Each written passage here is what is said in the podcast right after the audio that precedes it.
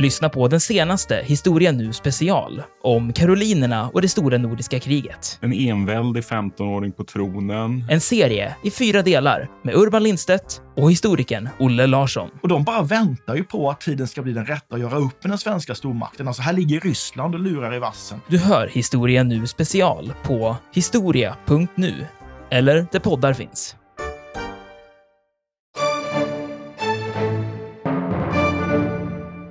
Plötsligt det är nästan, men morsan, jag är ju på fest nu. Alltså det är lite den stämningen.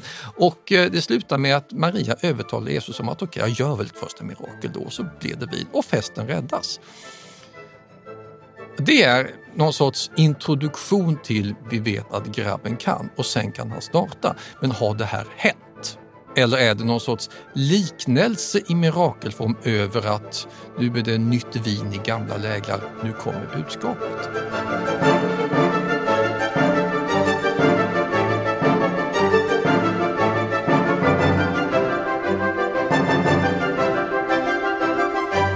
Välkomna till Harrisons dramatiska historia med mig, Dick Harrison, professor i historia vid Lunds universitet och med min hustru Katarina Harrison Lindberg.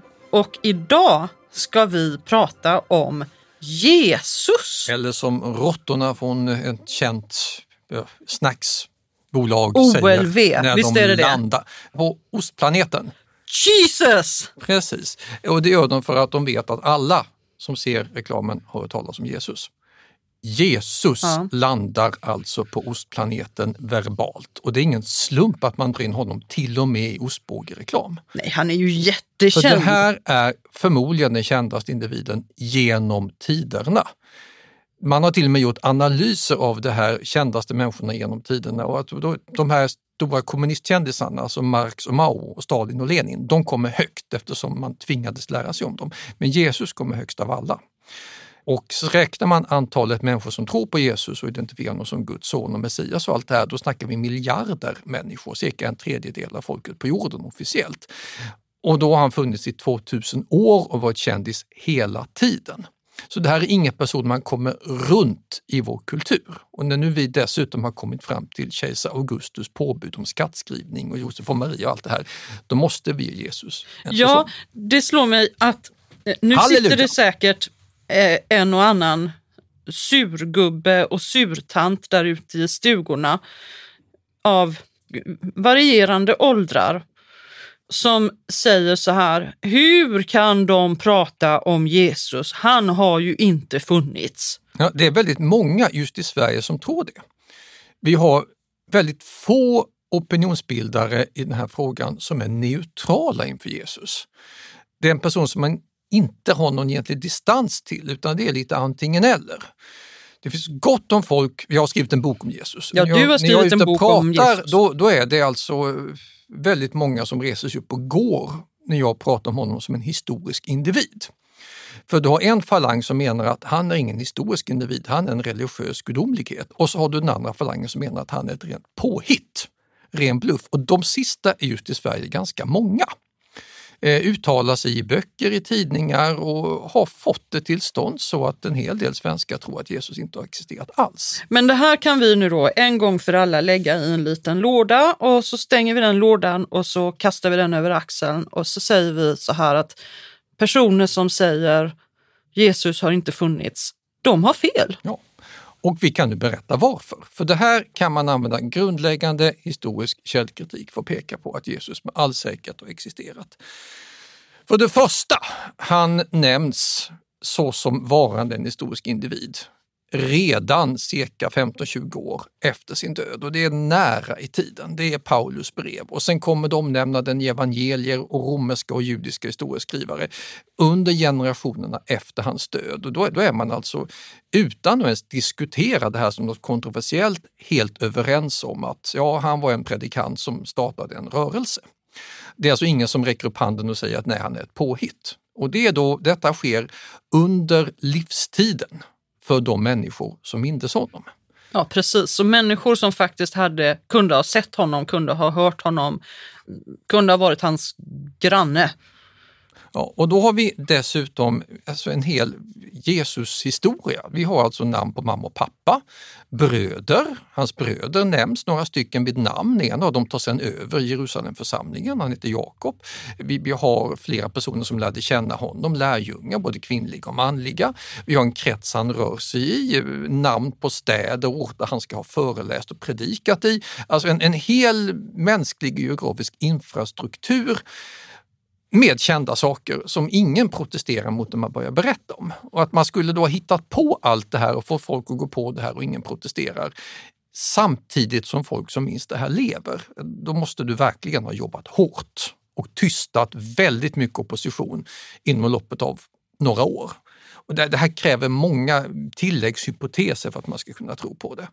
Det, det är väldigt osannolikt att du ska driva igenom en sån lögn så effektivt på så kort tid. Ja, så personer som påstår att Jesus inte har funnits, de måste då påstå att alla de här ja, källorna, de är inte riktiga, de är påhittade. Och det verkar ju väldigt löjligt att hitta på det. I så fall är det så att någon grundar kristendomen, eller några, som sen nästa generations grundare försöker mörka, dölja, effektivt sudda ut och så hittar man på Jesus istället och ger honom ett helt liv, släktingar, kompisar, vänner, födelseort eh, och så får man alla att tro på det istället inom loppet av en generation och så är det ingen som protesterar någon gång. Osannolikt säger jag. Mycket, mycket osannolikt. Den enklaste förklaringen är att Jesus faktiskt fanns som en predikant i Galileen mm. och därefter så blev det en rörelse som efter hans död blev stor och då berättar man om honom. Detta är lättare att sätta tro till än en massa konspirationsteorier om att han snabbt skulle ha blivit påhittad.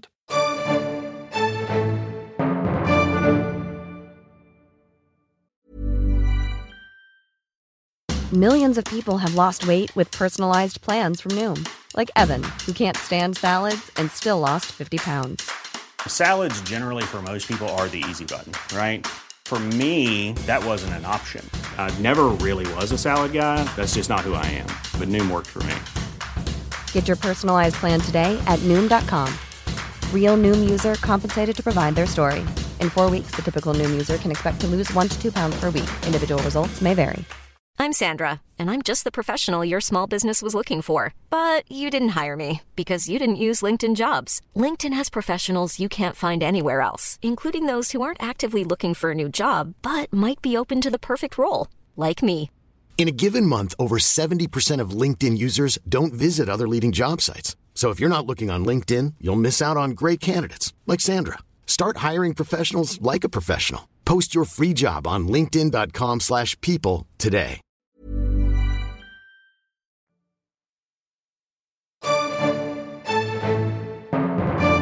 Skulle man kunna säga så här att de som påstår att Jesus inte har funnits, de har en agenda när de säger det? Ja, det har de och jag tror inte de hade sagt det om det hade varit vilken annan person i antiken som helst.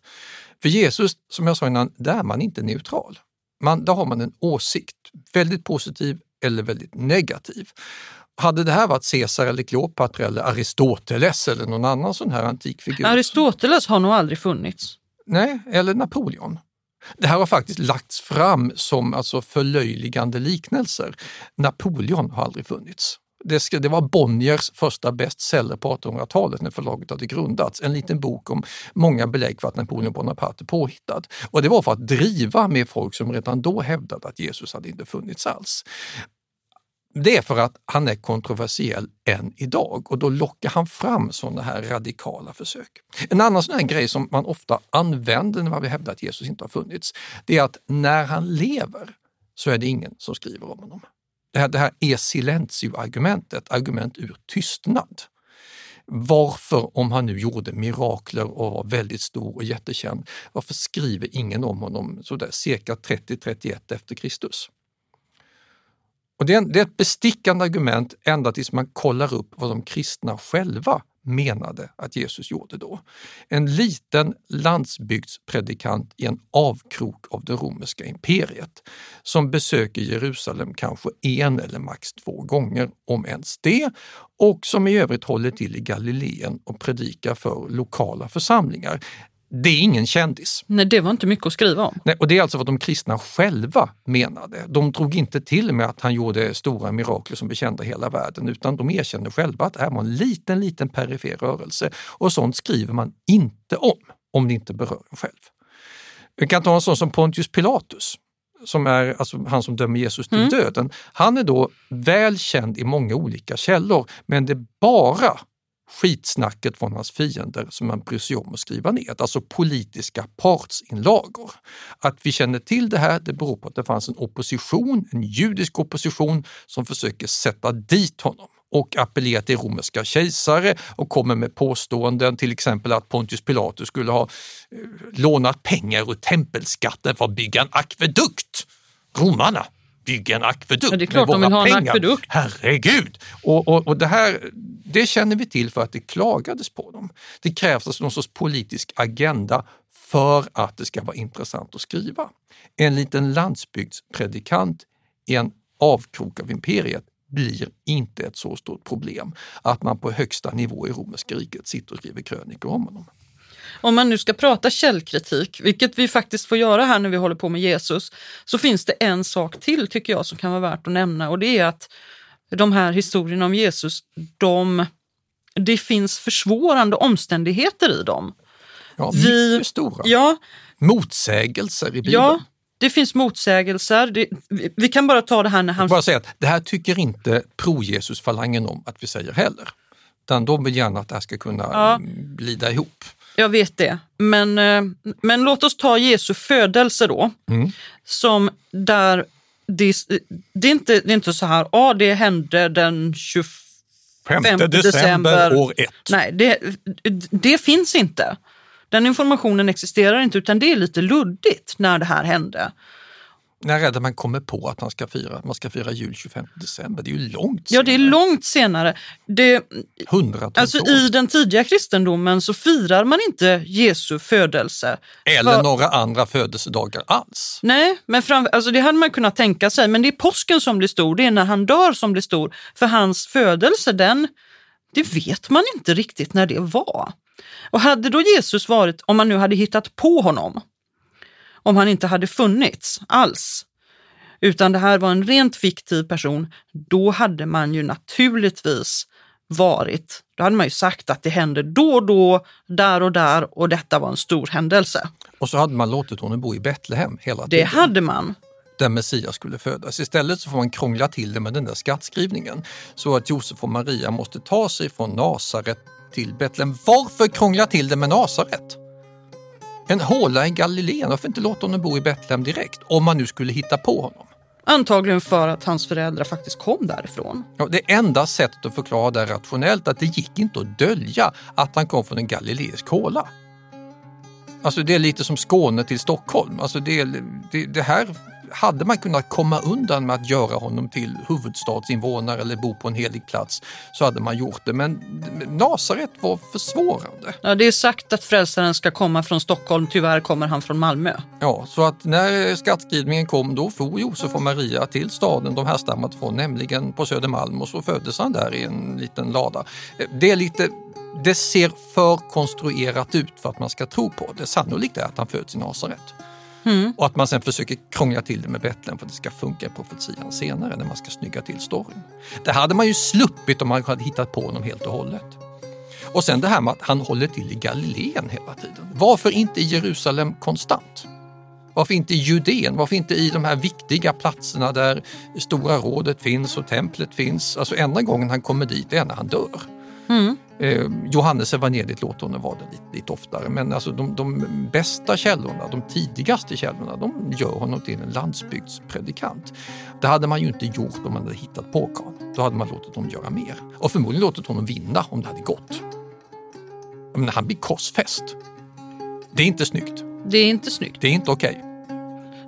Han, Det är inte okej. åtminstone hade man kunnat låta honom uppstiga i himlen efter att ha försvunnit på ett mystiskt vis. Eller men om, det händer ju. Eller, eller, ja, men då har han först blivit korsfäst. Varför krångla till det med att först avrätta honom på nesligast, skamligast möjliga vis? Halshuggning åtminstone, please! som en romersk medborgare blev avrättad. Alltså det är det minsta man kan begära. Istället så är det sjaskigast möjliga brottsling-avrättning. Så skall inte en messiasgestalt gå ur tiden. Så varför stoppar man in det här i alla evangelier? Om det inte var en väldigt besvärande omständighet som alla kände till och det inte gick att blunda för. Det är enda sättet att förklara Mm. det. Och sen gör man en dygd av nödvändigheten och gör, att, gör det här till en poäng faktiskt. Ja.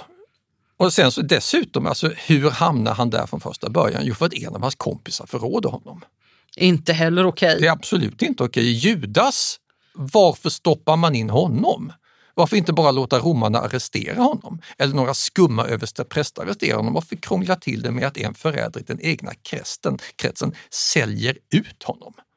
Då indirekt är det en väldigt stor anklagelse mot Jesus som var korkad nog att rekrytera Judas. Alltså mister Självkännedom här. Varför gör man det? Ja, enda förklaringen är att det här gick inte att mörka. Det var så känt. Judas är ett problem. Honom måste vi diskutera och förhålla oss till. Varför gör Judas det? Och där har man också helt olika åsikter i Bibeln. Lukas, evangeliets författare, tror ju att han gör det här för att han vill göra ett fastighetsklipp och köpa mark. Och sen trillar han omkull och dör av en olyckshändelse. Matteus säger att ja, han, han ångrar sig djupt, går och hänger sig. Alltså man är inte ens enig om vad som händer med förrädaren. Är det inte någon tradition som säger att det är hans fru?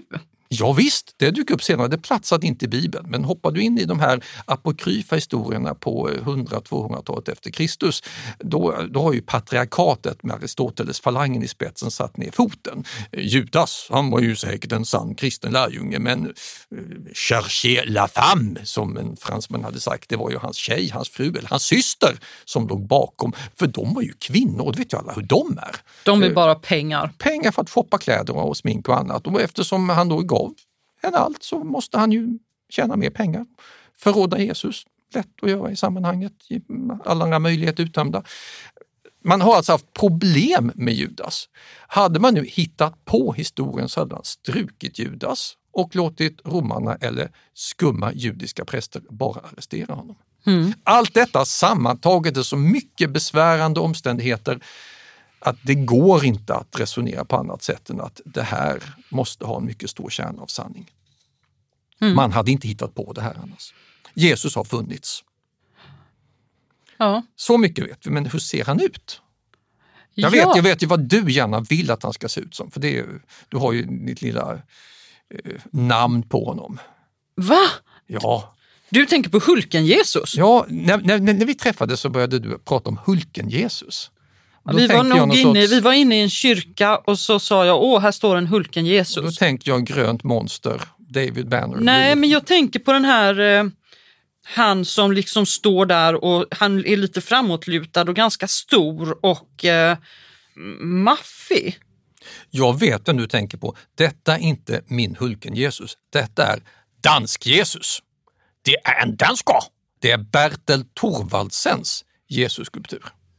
Hulken-Jesus. Ja, Dansk-Jesus. Ja. Det är alltså så man tyckte att Jesus såg ut under Långt hår. nyklassicismen och eh, romantiken. Och, och lite musklig. Och så ser han ut i ganska många filmer och teckningar och målningar 1800-1900-talet.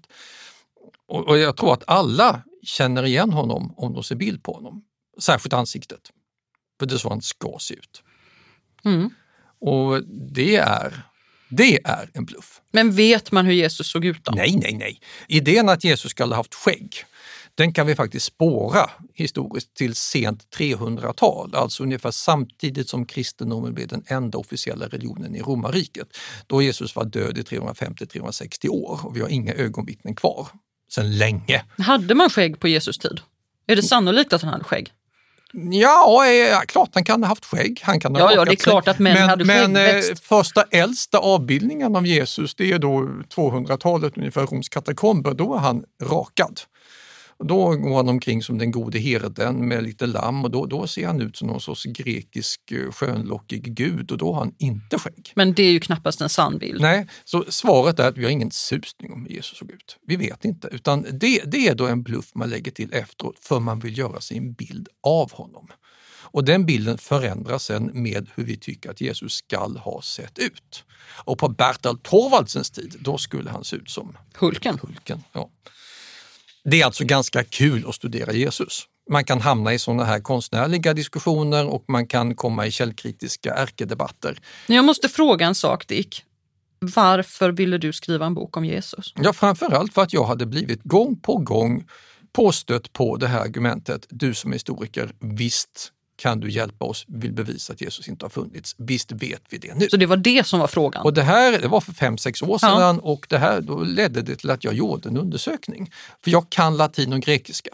Jag kan läsa originalen och jag tycker det är kul att lösa källkritiska gåtor och problem. Och då satte jag ner tänderna i evangelierna och sen fick jag stå och vara någon sorts Jesus-apologet i kyrkor och i eh, församlingshem och i debattsalar och auditorier där jag lade fram argumenten för att han må ha varit vad som helst gudomligt, men han fanns definitivt som människa. Argument för och emot Jesu existens och då blev jag expert på de argumenten. Och sen tyckte jag att varför stanna där? Okej, okay, han har funnits, men vad var det han egentligen tyckte och tänkte? Vad sa han då? Trodde han själv att det var Messias? Varför blev han dödad? Varför utgjorde han ett problem? Vad var hans egentliga budskap? Vad var poängen med honom? Och i förlängningen, den verkligt stora frågan, det här är en liten sekt på landsbygden i norra Israel. Alltså, hur kunde det här bli en världsreligion? Ja, är inte det egentligen det märkligaste av det allt? För Jesus, när han var igång alltså, vid den här tiden, han var inte den enda som höll på och höll på på det här sättet. Nej, och han var långt ifrån det mest kontroversiella. Det fanns drösvis med olika upprorsmän och flera självutnämnda messiasgestalter och revoltörer. Jag menar att Jerusalem förstörs av romarna beror på att judarna har rest sig i ett stort uppror. Så det här är ett oroligt hörn. Och Jesus är en av de minst militanta. Han är närmast ärkepacifist. Han vill inte ens gripa till våld när han själv blir arresterad. Så, så det här är en ganska liten fredlig sektrörelse som sen, några generationer senare, har vuxit till att bli en stor rörelse som romarna noterar och några generationer senare tar över som statsreligion i romarriket. det här är faktiskt sig. någonting som jag, som, det, det, kan verkligen förvåna en för att här, om man tittar på vad Jesus säger, hur han tycker att man ska vara som människa för att vara en bra människa. Han har ju enormt höga krav. Stenhårda! Han är verkligen radikal i sina krav. Alltså om du ska komma in till himmelriket och få del av Guds rike och du råkar ha en liten förmögenhet, ja, då är det som om en kamel skulle ta sig igenom ett nålsöga. Skänk allt du har till de fattiga och kom sen och följ mig. Och det ja, det är verkligen så. Skänk, då går de skänk bort bedrövade. allting och det finns bara liksom en möjlighet. Följ honom och gör gott. Och om jag slår dig på käften på ena kinden, vad gör du då? Då vänder jag andra kinden till. Ja, du ska leva i enlighet med den absoluta högsta etiska principen hela tiden och inte ha några som helst materiella intressen och helst inga tillgångar heller utan leva för det allmännas bästa. Det är en stenhård radikal kritik. Och hans och ändå... egna lärjungekretsar tycks ha levt så här i någon sorts urkommunistiskt paradis och vandrat runt och delat allt. Och det här kräver han av alla som ska följa honom. Det, det borde ju inte ha varit en eh, stor, väldig världsreligiös ambition att göra allt det här. Nej, och det, just detta kan man ju inte heller kanske riktigt påstå att alla som kallar sig kristna gör. Ja, ytterst få idag. Men, Men eh, det här är alltså grundkonceptet i de bevarade predikningarna som man kan läsa i Bibeln. Ja, I början måste det ju ändå ha varit så att det var det här som var... Ja, men alltså det här är en, någon sorts etisk grundprincip och den finns kvar i kristendomens heliga skrifter idag också. Men jag tror att den springande punkten är den andra radikala grundprincipen. Alla får vara med. Att alla får vara med. Ja, men nu låter vi som socialdemokrater här. Alla ska med. Ja, alla ska, nej, men inte alla ska med, utan alla får vara men, med. Men, ja, För alltså, det var också väldigt ja, nytt. Exakt. Och då menar vi, och här, här hade Aristoteles satt ner foten direkt, och Paulus. Herregud. Herregud alltså! Ja, nej men inte tusan ska kvinnorna få vara med. Men de är välkomna. Och syndare och tullare och korrupta tjänstemän och till och med romare och etiopiska ambassadörer. Ja, alla, alla får vara med. med. Det spelar barnen ingen roll. också, låt barnen komma till mig. Det är alltså väldigt inklusivt budskap. Rörelsen öppnar sig för samtliga om man ställer upp på kraven. Och det här var enormt radikal. Hela familjen får vara med. Ja, allesammans. Och tittar du på normal religion under antiken, sådana här mysteriereligioner, invigda sällskap, eh, då är de mycket exklusiva esoteriska. Du måste alltså Isis-prästerna, Mitraskulten. eh, Det är inte meningen att alla ska vara med utan det är de speciellt invigda. Ja, och de utanför vet knappt vad man Och håller det, på var- det med. här var många tidiga kristna tyckte att så ska vi ha det också och skapade egna sekter med egna evangelier. Maria Magdalenas anhängare hade en egen liten grupp med eget evangelium. Judas Iskariots anhängare som menade att det var han som var en grabb med choklad i, hade ett eget evangelium. Petrus hade ett eget evangelium och så vidare. Alla de här små sekterna brukar vi kalla gnostiker och de förlorar i slutändan Mm. eftersom de inte appellerar till alla. Och det här tror jag är den enkla lösningen på gåtan varför det här blir en stor religion. Alla var välkomna. En, en, en rörelse, ett budskap som appellerar till 100% av mänskligheten har större chans att lyckas än den som appellerar till 1% av mänskligheten. Det är i alla fall en väldigt god ursprungshypotes. Mm.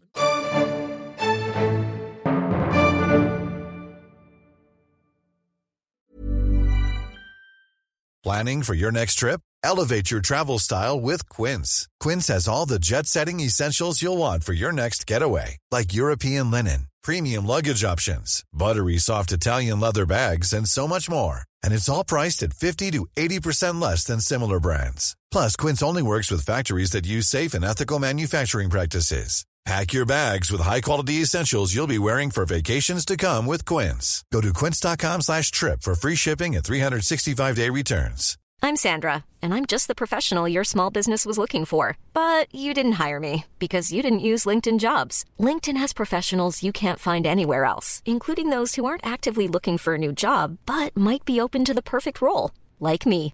In a given month, over 70% of LinkedIn users don't visit other leading job sites. So if you're not looking on LinkedIn, you'll miss out on great candidates like Sandra. Start hiring professionals like a professional. Post your free job on linkedin.com/people slash people today. Millions of people have lost weight with personalized plans from Noom, like Evan, who can't stand salads and still lost 50 pounds. Salads, generally, for most people, are the easy button, right? For me, that wasn't an option. I never really was a salad guy. That's just not who I am. But Noom worked for me. Get your personalized plan today at Noom.com. Real Noom user compensated to provide their story. In four weeks, the typical Noom user can expect to lose one to two pounds per week. Individual results may vary.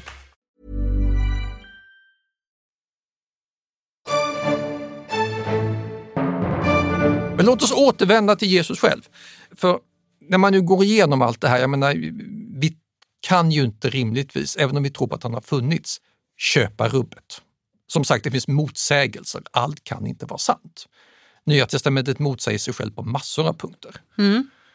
Julevangeliet, tyvärr, som är så vackert och så fint. Med skattskrivningen och allting. Ja, Jag menar, det, det är för mycket, ja, vem var vittnet till det? Hur vet man det? Var någon på plats och antecknade?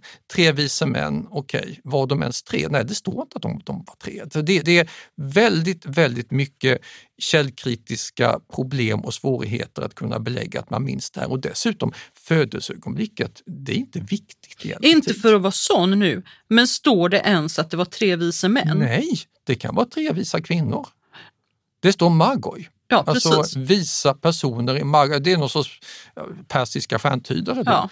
Och det finns ju de som har velat hävda att det var kvinna med. Det har vi sett. Ja, precis. Det har vi sett på bild i, är det Palermo? Ja, i eh, den här eh, Gallerina Nazionale tror jag det heter, i det här gamla palatset mitt i Palermo. Där kan man se flamländska tavlor som man har köpt in till Italien. Där, Värt ett besök måste Absolut. jag säga. Och där Och har när vi alltså man en går vis där- kvinna, afrikansk kvinna Ja, dessutom. så finns det flera bilder. De påminner lite grann om varandra och alla visar att en av de här, de är tre, Mm. men, och en är kvinna. Och det har jag aldrig sett någon annanstans. Nej, jag kollade upp det och det är en tradition i, i vissa flamländska konstnärskretsar på 1500-talet. Och då kan man tänka Flandern, det är katolskt, det är 1500-tal. Men det här köps in som kyrkotavlor. Det är alltså inte kätterskt och fult att tro det här. Utan du kan mycket väl låta en av de tre vise så kallade männen vara tjej. Och du kan låta dem vara fler än tre. De, I katakomberna när man avbildat dem första gången så är de en hel grupp, för antalet är inte utsatt. Hela den här födelsehistorien är det som man, om man nu ska vara källkritisk, har lättast att stryka över med rödpenna. Mm. För det, det, det, är, det är någon sorts romantisk, eh, nu måste vi hitta på något snyggt här historia, där man lägger till sånt som man gärna skulle vilja se hade hänt. Medan vi lätt kan tänka oss att det finns inte ett enda vittne som kan ha berättat om det här. Vittnena de dyker upp när Jesus är i ja, 35 års ålder. När han börjar ha sin verksamhet. Precis. Men det har inte hindrat folk från att berätta en massa saker om vad han gjorde innan. Nej, men alltså framförallt när han föds. För det ska man försöka brodera ut för att visa att han är Messias. Då ska du ha änglakören och Hosianna och allt det här. Och, eh, sen ska han till templet. Alltså, du, du måste ha de här avstämningspunkterna om du ska köra fram budskapet. Det är klart han var Messias. Sen så var ju ett problem från det att han blev 11-12 år fram tills han började predika. Mm. Vad hände då? Det var ingen som egentligen tyckte det var spännande att berätta om evangelierna. Jobbade i pappas snickeri antagligen, men hur kul är det? Och då är ju fältet fritt långt senare att fylla ut dem. Fill in the blanks. Precis. Engelsmännen trodde ju att han flyttade till England då för att jobba i farbror Josef av Mattias tenngruva i Cornwall som någon sorts avdelningschef. För det var så självklart att han var där? Ja, men när engelsmännen vill göra honom till sin på 1700-talet och då låter man honom flytta till Glastonbury och jobba där. Jag menar, Englands mest berömda allsång, Jerusalem av William Blake. Mm.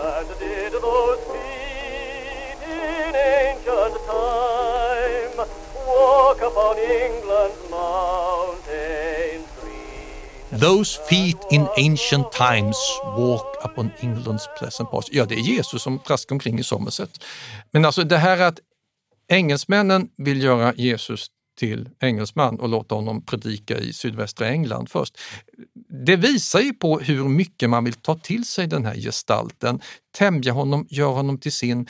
Och är det nu så att evangelisterna tycker att ja, när han är i 20-årsåldern tämligen ointressant, ja då är det fritt fram tycker man i England långt senare, att plocka in honom dit.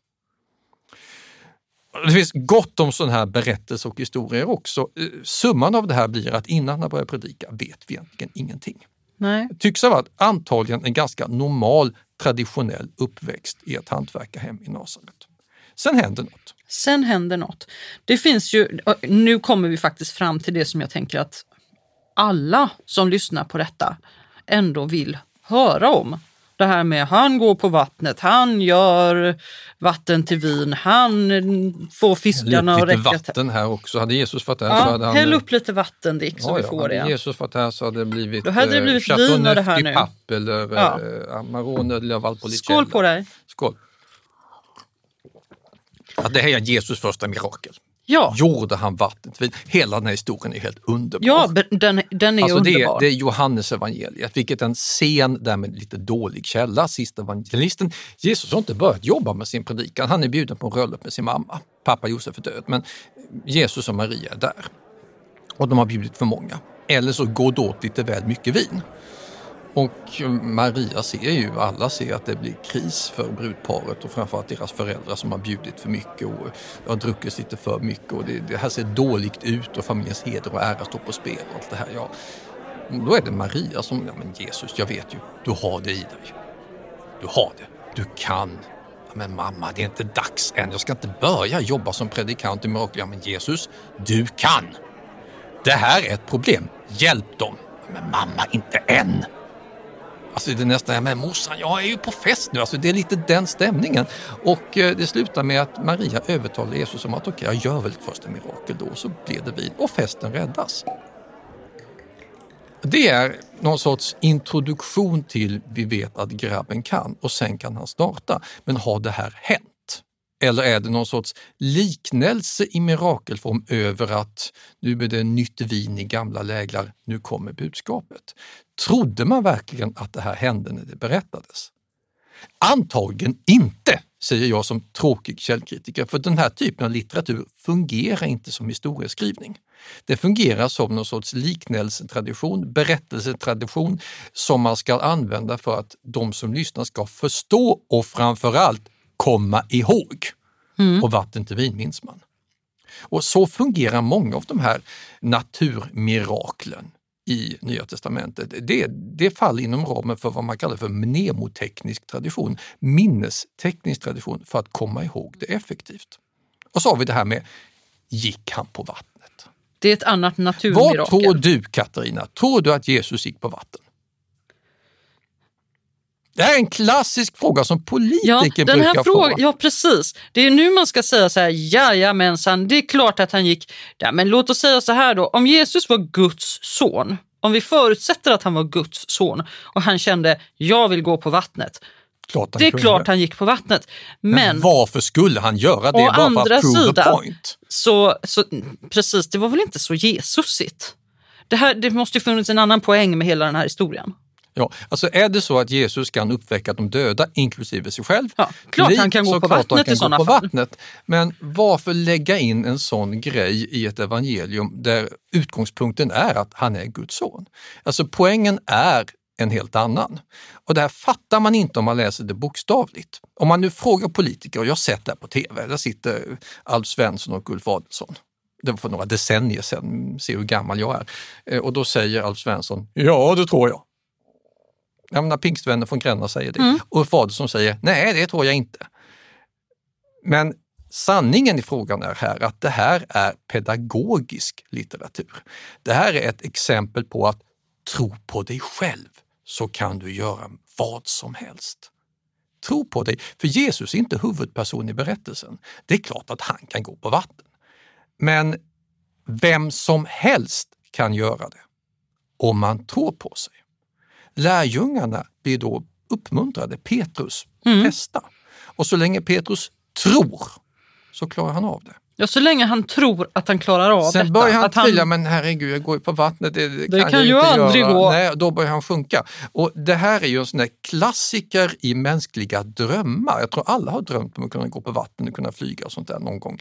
Så det är ett perfekt medel att använda om du ska föra ut ett budskap som går ut på att tro, tron kan försätta berg. Mm. Och det är så den här berättelsen fungerar. Jag tror inte att det var meningen att folk skulle tro att det här var en historisk händelse. Utan det här berättar man för att få in budskapet effektivt så att man minns det. Och det funkar ju, vi minns det just därför att det är att gå på vatten. ja, frågan ställs fortfarande. Så har vi då de här andra miraklen. De som kallas för läkarmirakler. Ja. Det är när han uppväcker döda och Jesus kommer till Älmhult. sätter tillbaka Ta din säng och gå hem och försök sätta ihop den. Ikea-miraklet. Nej men alltså den, den typen av. Och de är i majoritet. Mm. Och det är så pass många, så pass starka traditioner som återkommer med, med betydligt simplare medel. Alltså det är inte någon sorts väldiga stormar som stillas utan det är folk som kan eh, se lite bättre och kan eh, mm, kasta sin, sin krycka. Och det, det, det återkommer så väldigt mycket att det blir svårare att utan vidare förklara bort det här som någon sorts pedagogiska mnemotekniska exempel. Kan man tänka sig att Jesus faktiskt eh, ägnade sig åt ja, att försöka göra folk lite friskare? I ett senare tillfälle skulle man kalla honom för en klok gubbe. Alltså, hur många läkare fanns det i ett normalt land på en vanlig landsbygd före 1900-talet? Väldigt få. Man hade behov av kloka gummor och kloka gubbar som kunde, åtminstone som folk trodde, kunde tricken. Hade lite naturläkedomskunskaper, eh, kunde lite vid sidan av det andra, hade karisma, kan lägga in lite placeboeffekt också. Detta behövs i det gamla bondesamhället och vi vet att det var enormt utbrett i alla skriftligt dokumenterade bondesamhällen. Sådana här helbrägdagörare, kloka gummor, kloka gubbar. Det är väldigt sannolikt att Jesus fick rykte om sig att kunna bota folk. Alltså läkarmirakel. Sen lyckas han säkert inte varje gång. Men det erkänner man i Bibeln också, att särskilt i Nasaret, där funkar det inte. Och då säger ju Jesus det här kända, att ingen blir profet i sin hemstad. Vi vet ju vem det där är. Han kan ju inte bota folk. Men, men, men, men att han ska ha fått rykte om sig att kunna ha kraften. Mm. Det tror jag vi kan slå fast, för annars hade det inte här gått att köra igenom så effektivt i alla de här texterna. Utan det här var något som folk trodde på och som man då kunde använda som belägg för att han har gudomlig makt. Och då, när jag drar upp det här, då är det inte de här militanta ateistiska, vi tror inte Jesus har funnits förnekarna som lämnar lokalen, utan då är det ju de som tror att det som är bokstavligt sant i Bibeln verkligen hände. Att det finns skillnad på mirakel och mirakel. Mm. Men då har vi kommit fram till att han fick rykte om sig att kunna bota sjuka och han var inklusiv i sitt budskap och han hade stenhårda krav på de som ville följa honom. Frågan är då, är det här så förfärligt att det legitimerar arrestering efter förräderi, snabb rättegång, tortyr och korsfästelse? Det kan man ju tycka att det inte är. Det finns en annan aspekt här och det är också att han har ju en hel drös med lärjungar, både kvinnor och män, Mm. som inte blir korsfästa. Som kan hålla på i ett par decennier och predika exakt samma sak och organisera sig till en kyrka innan någon kommer på att börja förfölja dem. Så det, inte, det kan inte ha varit själva budskapet. Nej, de det kan rimligen inte ha varit För det. då hade man ju slagit till mot hela gruppen. Ja. Det måste ha varit något med Jesus som person som var väldigt provocerande och som fick hans fiender att snedtända. Och de är ju nämnda i Bibeln, Eh, så de han diskuterar med. Mm. De han framförallt diskuterar mycket med det är de här som man säger, ve er. Fariséerna, är det de? Ja, Mm. och, och, och det är ju då någon sorts, om man läser det här med lite distans, nästan seminariediskussioner. Mm. Det är någon sorts grannsysterparti som man har, där man har avvikande åsikter i detaljfrågor, men där man i grunden är ganska överens om att det behövs en moralisk uppryckning inom judendomen. Mm. Och det är inte de som sätter dit honom. De är helt oskyldiga till att döma honom till döden och de är helt oskyldiga till att eh, ha honom i Stora rådet, utan det, det är en liten aristokratisk prästgrupp som pekas ut, sadduceerna. Mm. Så det måste vara någonstans i vad upplever översteprästerna i Jerusalem, någon sorts judisk aristokrati för något hotfullt i Jesus. Och det kan ha varit en helt banal grej. Jag menar, det För det verkar ju inte ha förelegat någon revolutionsrisk egentligen. Det här var ju inte personer som var våldsamma eller mm, startade upplopp och, och det så. finns de som vill göra Jesus till en militant sektledare, men, men det är alltså vänsterkommunister och andra. Pasolini vill gärna göra det i sin film, men det finns inga som helst belägg för det. Beläggen vi har, de få källor vi har, tyder på att man från översteprästernas sida upplevde Jesus som person, som en provokation. Mm. Och då stämmer man i bäcken. Man tar Tydligen bort honom. ganska lätt. Mm. Se till att låta dom, romarna döma honom till döden på någon sorts Trump up charge. Och sen är man av med honom som problem. Resten bryr man sig inte om. Mm. Så troligen är det så att Jesus när han äntligen dyker upp i Jerusalem inför påsken agerar på ett provocerande sätt, troligtvis mitt i templet, vilket även står i Bibeln. Och på så sätt Är det inte gör... då han är arg och kastar ut Ja, folk? den enda och... gången han Ja. är våldsam det är när, när han ser försäljare i templet. Mm. Varje gång jag är inne i en kyrka och ser någon som säljer vykort tänker jag att aj då, vad Hade, hade det här hade inte här? Jesus gillat. Men, men i alla fall, då blir han som person en provokation. Och provokationer under antiken, om man kan undanröja dem, gör man det Mm. genom att låta romarna döma honom till döden. Så kvickt är problemet över. Detta är ju ingen rolig slutledning, men tycks vara den troligaste. Nu tycker jag, ja, nu, vi har kommit fram till att han dör här nu. Ja, nu är han korsfäst. Död Och, Och begraven. begraven. och sen nederstigen till dödsriket. Ja, utan tvekan om han är död. Mm. Men sen uppstånden igen ifrån de döda. Mm. Och det här, att jag tog upp det i min bok, jag har hållit seminarier om det här även i Finland. Alltså, Dick, tror du att Jesus uppstod? Eh, kan vi vara säkra på att han inte uppstod? Eh, vad hände egentligen? Ja, vad hände egentligen? Ja, Jag har ju en alternativ karriär som deckarförfattare och det här är ju verkligen det stora mysteriet. För det första blev han begravd, det var inte nödvändigt. Du kunde korsfästa folk och låta dem hänga kvar låta kråkorna äta upp dem. Men det här är inför påsken. Man vill inte ha ruttnande lik, stinkande. Han plockades ner och togs om hand och lades i en grav. Troligen så har vi till och med begravningsentreprenörens namn, Josef av Arimathea. Man nämner sådana här namn för att det är viktigt att komma ihåg vem som är juridiskt ansvarig för begravning och så långt inga större problem. Sen tror jag man kan slå fast att graven tämligen fort efteråt blev tom. För du kan inte köra med han är uppstånden om du inte har en tom grav att visa på. Det funkar inte. Mm. Argumentet, nej han är död, han är inte uppstånden, ja då kan du bara öppna graven och peka på liket. Så någonstans, ganska tidigt skede, för att man inom den här Jesusrörelsen skulle komma och säga Jesus lever, han är uppstånden, så måste du ha haft en tom grav och på något sätt ett lik som försvinner. Vem tog liket? Eh, Den övernaturliga kristna accepterade förklaringen är att ingen tog det, Jesus uppstod. Vad kan ha hänt annars? Mm. Om vi håller oss till strikt vetenskap. Och där kan man ju lägga fram en del olika hypoteser. Ja, för det som händer, om vi, låter, om vi tänker så här att vi utgår från Johannes, Ja, så eh, då får vi in en tjej också i bilden. Det hade inte Aristoteles gillat. ja, nej det hade han inte. Men nu är inte det här Aristoteles. Det här är Johannes. Som ni märker är. Aristoteles lite av ett hatobjekt i familjen. Han dyker upp jämt i poddarna. Ja, det kommer han. Vi kommer korsfästa honom om och om och om igen. Så får han återuppstå till nästa avsnitt. Ja. Eh, men så här står det. Och nu citerar jag då Johannes. Tidigt på morgonen efter sabbaten, medan det ännu var mörkt, kom Maria från Magdala ut till graven och fick se att stenen för ingången var borta.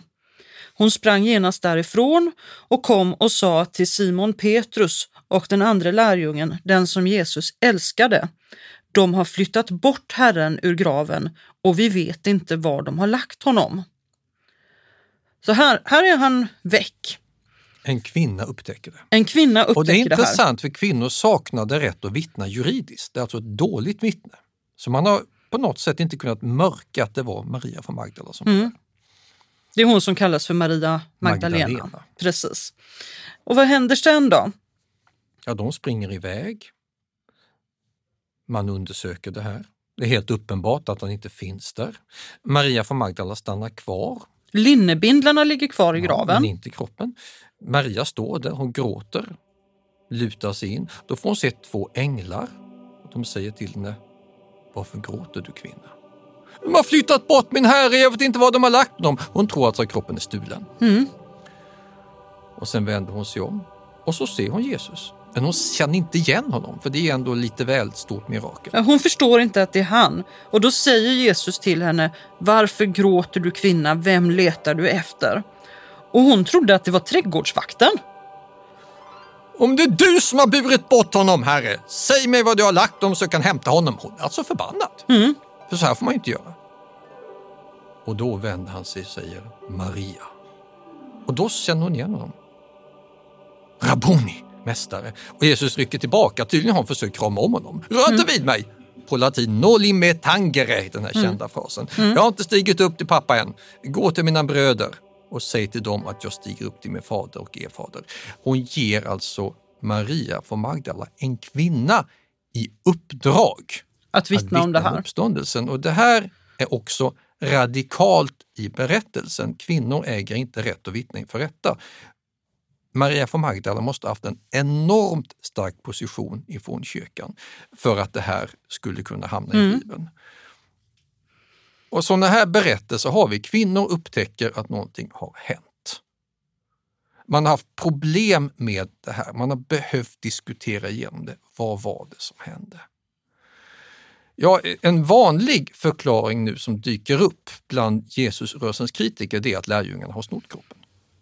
Det skulle man ju kunna tänka sig. Ja, men varför gör de inte en bättre story i så fall? Varför låter de inte Petrus, Johannes, Andreas, Filippos, ja, till och med Judas hitta den tomma graven istället? Istället för Maria Magdalena. Man låter, istället är det kvinnor som hittar den, vilket är dåliga vittnen. Det försämrar storyn. Ja, men låt oss säga så här då att det är fakta att det är Maria Magdalena som, Ja, det är det troligaste eftersom man... eftersom hon ändå finns där. Så att, vi kan inte plocka bort henne ur den här historien. Hon, hon har verkligen varit där då.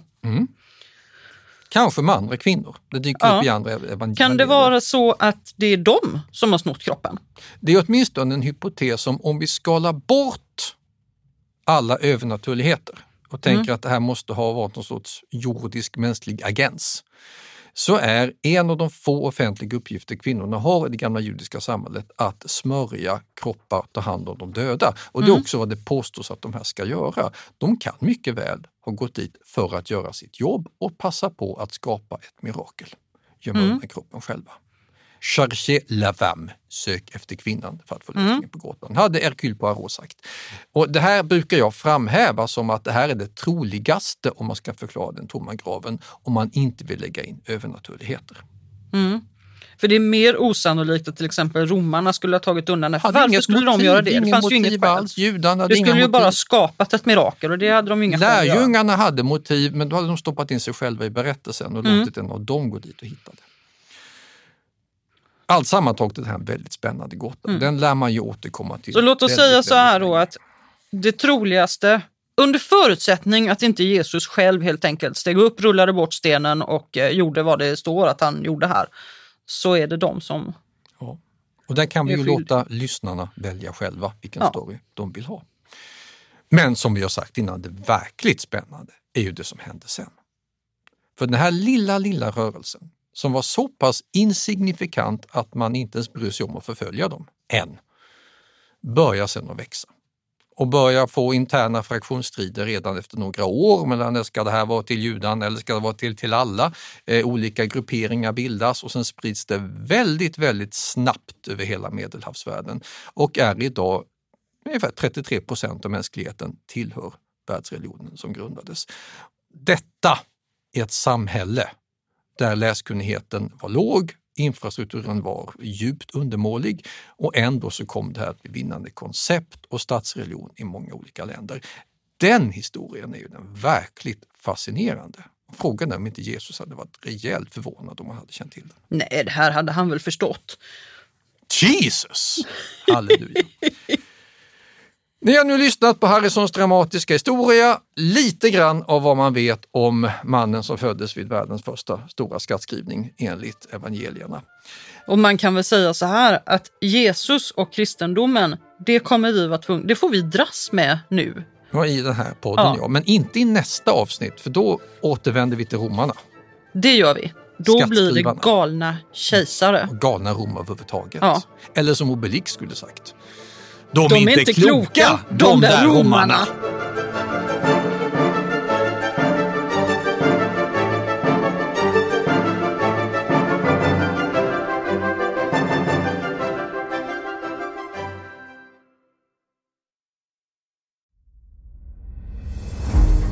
Jakob de la Gardie är den enda svenska fältherre som lett en armé till Moskva och trätt fram inför tsaren. Bedriften gjorde honom till en av 1600-talets största befälhavare. Moskvas erövrare är den första biografin över Jakob de la Gardie, en av stormaktstidens portalfigurer. Historikern Peter Ullgren följer hans stormiga bana från den föräldralösa barndomen vid 1500-talets slut till maktens topp och den mullrande statsbegravningen i Stockholm 1652. Moskvas erövrare är utgiven av förlaget Historiska Media. Ljudboken finns tillgänglig hos streamingtjänster som Bookbeat, Storytel och Nextory. Beställ den fysiska boken på förlagets hemsida historiskamedia.se eller köp den i en bokhandel nära dig.